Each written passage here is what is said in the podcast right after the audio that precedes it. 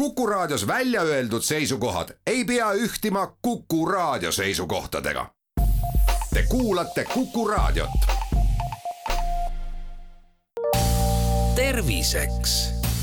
saadet toetab Lääne-Tallinna Keskhaigla, vaata ka keskhaigla.ee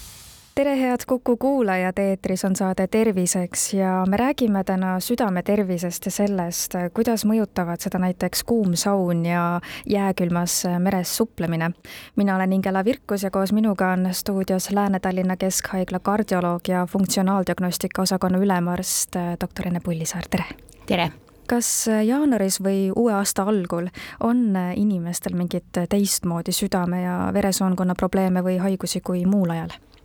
No ma alustaks natuke laiemalt, et ennem uut aastat on jõulud, mis on väga suur traditsioon Eesti rahva seas. ja seal me kahtlemata istume väga suurte laudade taga, mis on siis külluslikult kaetud ja väga maitsvalt kaetud ja väga ahvatlev. ja, ja siis võib tekkida väga lihtsalt liigsöömine või ülesöömine. et noh, kahtlemata on ju jõulud niisugune aeg, kus proovitakse ikkagi kõike head ja paremat, aga peab ütlema, et ikka kui keegi, kes rasvast seapraadi ei taha, siis ei pea ta ka ju seda sööma ja eriti vanemad inimesed inimesed, eakad, kellel on kroonilised haigused, näiteks infarkt olnud, anamneesis vererõhk on kõrgem olnud, neerupuudulikkusega, klapiriketega haiged, need peaksid ikka vältima ülesöömist, et mitte siis sattuda uue aasta alguses arsti juurde.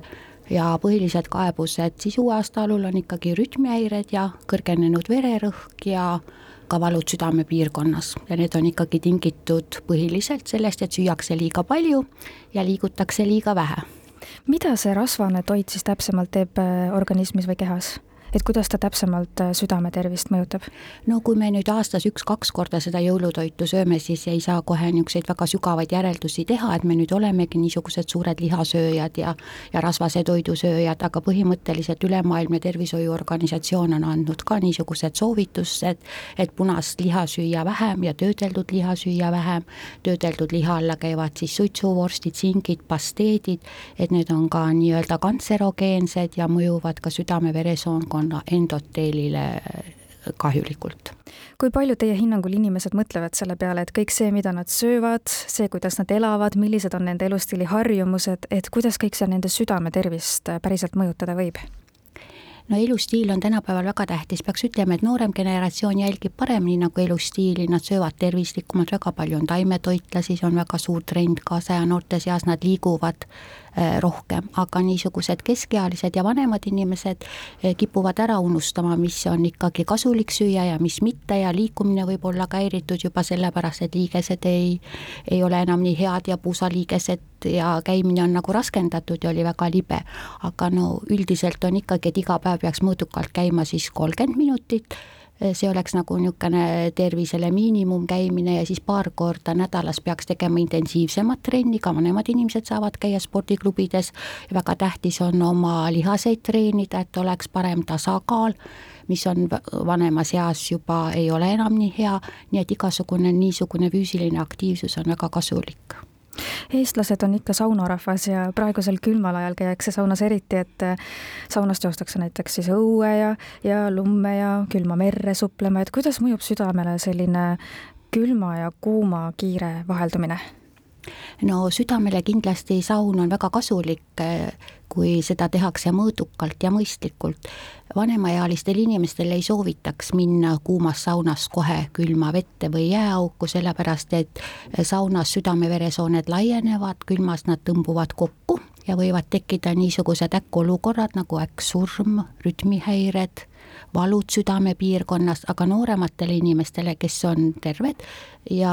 need võiksid küll siis saunast minna jääauku või lumme suplema, aga vanematel inimestel muidugi, kellel on see soov, et nad võiksid siis ennem nagu konsulteerida oma perearstiga ja küsida tema käest arvamust ja nõu, et kuidas sellesse suhtuda. muidugi on ka teine teooria, et ikkagi saunas külma ja kuuma vaheldumine on väga kasulik veresoontele, stimuleerib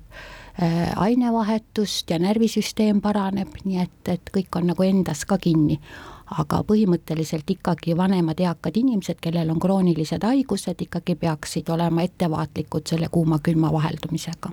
kas lisaks vanematele inimestele on veel mingisuguseid vastunäidustusi, et kes peaks saunas käimisega kuidagi kas siis piiri pidama või, või mitte liiga kuumas saunas käima? Eh, kahtlemata on kardiovaskulaarsed haigused, kes on alles hiljuti läbi põdenud südamelihase infarkti, insuldi, klapirikked, aordistenoos on vastunäidustatud, et kui nemad tõesti väga saunas tahavad käia, siis nad peaksid käi-, olema saunas madalamal temperatuuril, kuskil kuuskümmend, seitsekümmend kraadi ja mitte väga pikka aega. ja no oma isiklik kogemus on ka kindlasti väga tähtis, et kuidas ta siis tunneb ennast või ei tunne, sest saun on ju Eesti kultuuriajaloos väga tähtsal kohal olnud juba vanadest aegadest peale ju inim-, oli isegi vanasõna, et saun on vaese inimese tohter, nii et aga kas saun saab üldse olla tervise jaoks liiga kuum, et kui näiteks käiakse seal ma ei tea, üheksakümmend, sada ja kõrgema temperatuuriga saunas, et kas see võib inimesele väga ohtlikuks saada mingil juhul? jah, liiga kõrge temperatuur, üle saja kraadi ei soovitata saunas olla, sellepärast et südamesagedus tõuseb, südame töökoormus tõuseb kaks korda, mis võib siis kahjulikult mõjuda südame-veresoonkonna haiguste suhtes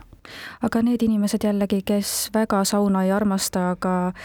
seltskonna pärast võib-olla sauna lähevad, et kas nemad äh, peaksid kuidagi harjuma saunas käimisega, et äh, kui nad tavaliselt ei ole käinud, aga nüüd hakkavad mingil põhjusel võib-olla tihedamini käima, et kas selleks peab harjutama kuidagi oma keha või organismi? ma arvan, et saunas käimist nüüd eraldi harjutama ei pea, meil on ju väga palju spaasid, kus on väga mitmesugused saunad ja saunakeskused, et kui ikka meeldib saunas käia ja kui oled terve, siis võib alati käia saunas, et selleks nagu erilisi vastunäidustusi ei ole ja oleneb ka ju riigist ja maast, et osades maades on saunad väga populaarsed, aga osades maades nii populaarsed ei ole, et Eestis, Soomes on ju väga niisugune, soomlased on ju eriti tuntud oma saunalembuse poolest, et on tehtud isegi statistikat, et et kui sa käid iga päev saunas, et kui kasulik see on su ajule, et dementsus väheneb ja südame-veresoonde endoteel paraneb ja ja niisuguseid uuringuid on hästi palju tehtud, et sauna kasulikust mõjust inimese tervisele, aga mõned maad nagu ei ole saun eriti populaarne, kas või Norras näiteks ega te ei tea, äh, kui me täna räägime südametervisest ja sellest, äh, kuidas kuumus näiteks äh, südametervisele mõjub, et milline saun näiteks kõige paremini südametervisele mõjub? No ma arvan, et see ees, eestlastel ikkagi on leilisaun, mida me kasutame ja mis on alla saja kraadi, aga samamoodi on ka väga head aurusaunad. aga infrapunane saun, et see juba väga palju ilmselt nõuab energiat ja on väga väsitav organismile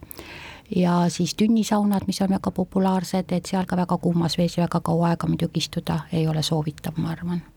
aga kui me rääkisime sellest, et kuidas mõjub äh, kehale selline külma-kuuma kiire vaheldumine, siis kuidas südame seisukohalt kõige parem oleks, et kas see on üldse vajalik või piisab sellest, et inimene ongi seal leiliruumis, siis läheb natukene sinna nii-öelda eesruumi, puhkab seal ja siis läheb uuesti leili võtma, et ei peagi otseselt tingimata sinna lumme jooksma või merre hüppama?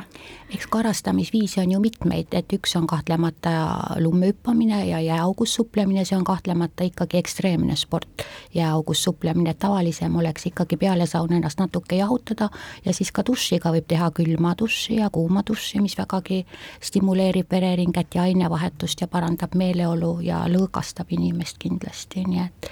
et igaüks valib oma, ise oma tegevuse, ma arvan, et, et see ei ole ju kohustus, et sa pead hüppama lumme või jääauku. me jätkame oma vestlust juba homme kell neliteist nelikümmend viis. terviseks saadet toetab Lääne-Tallinna Keskhaigla, vaata ka keskhaigla.ee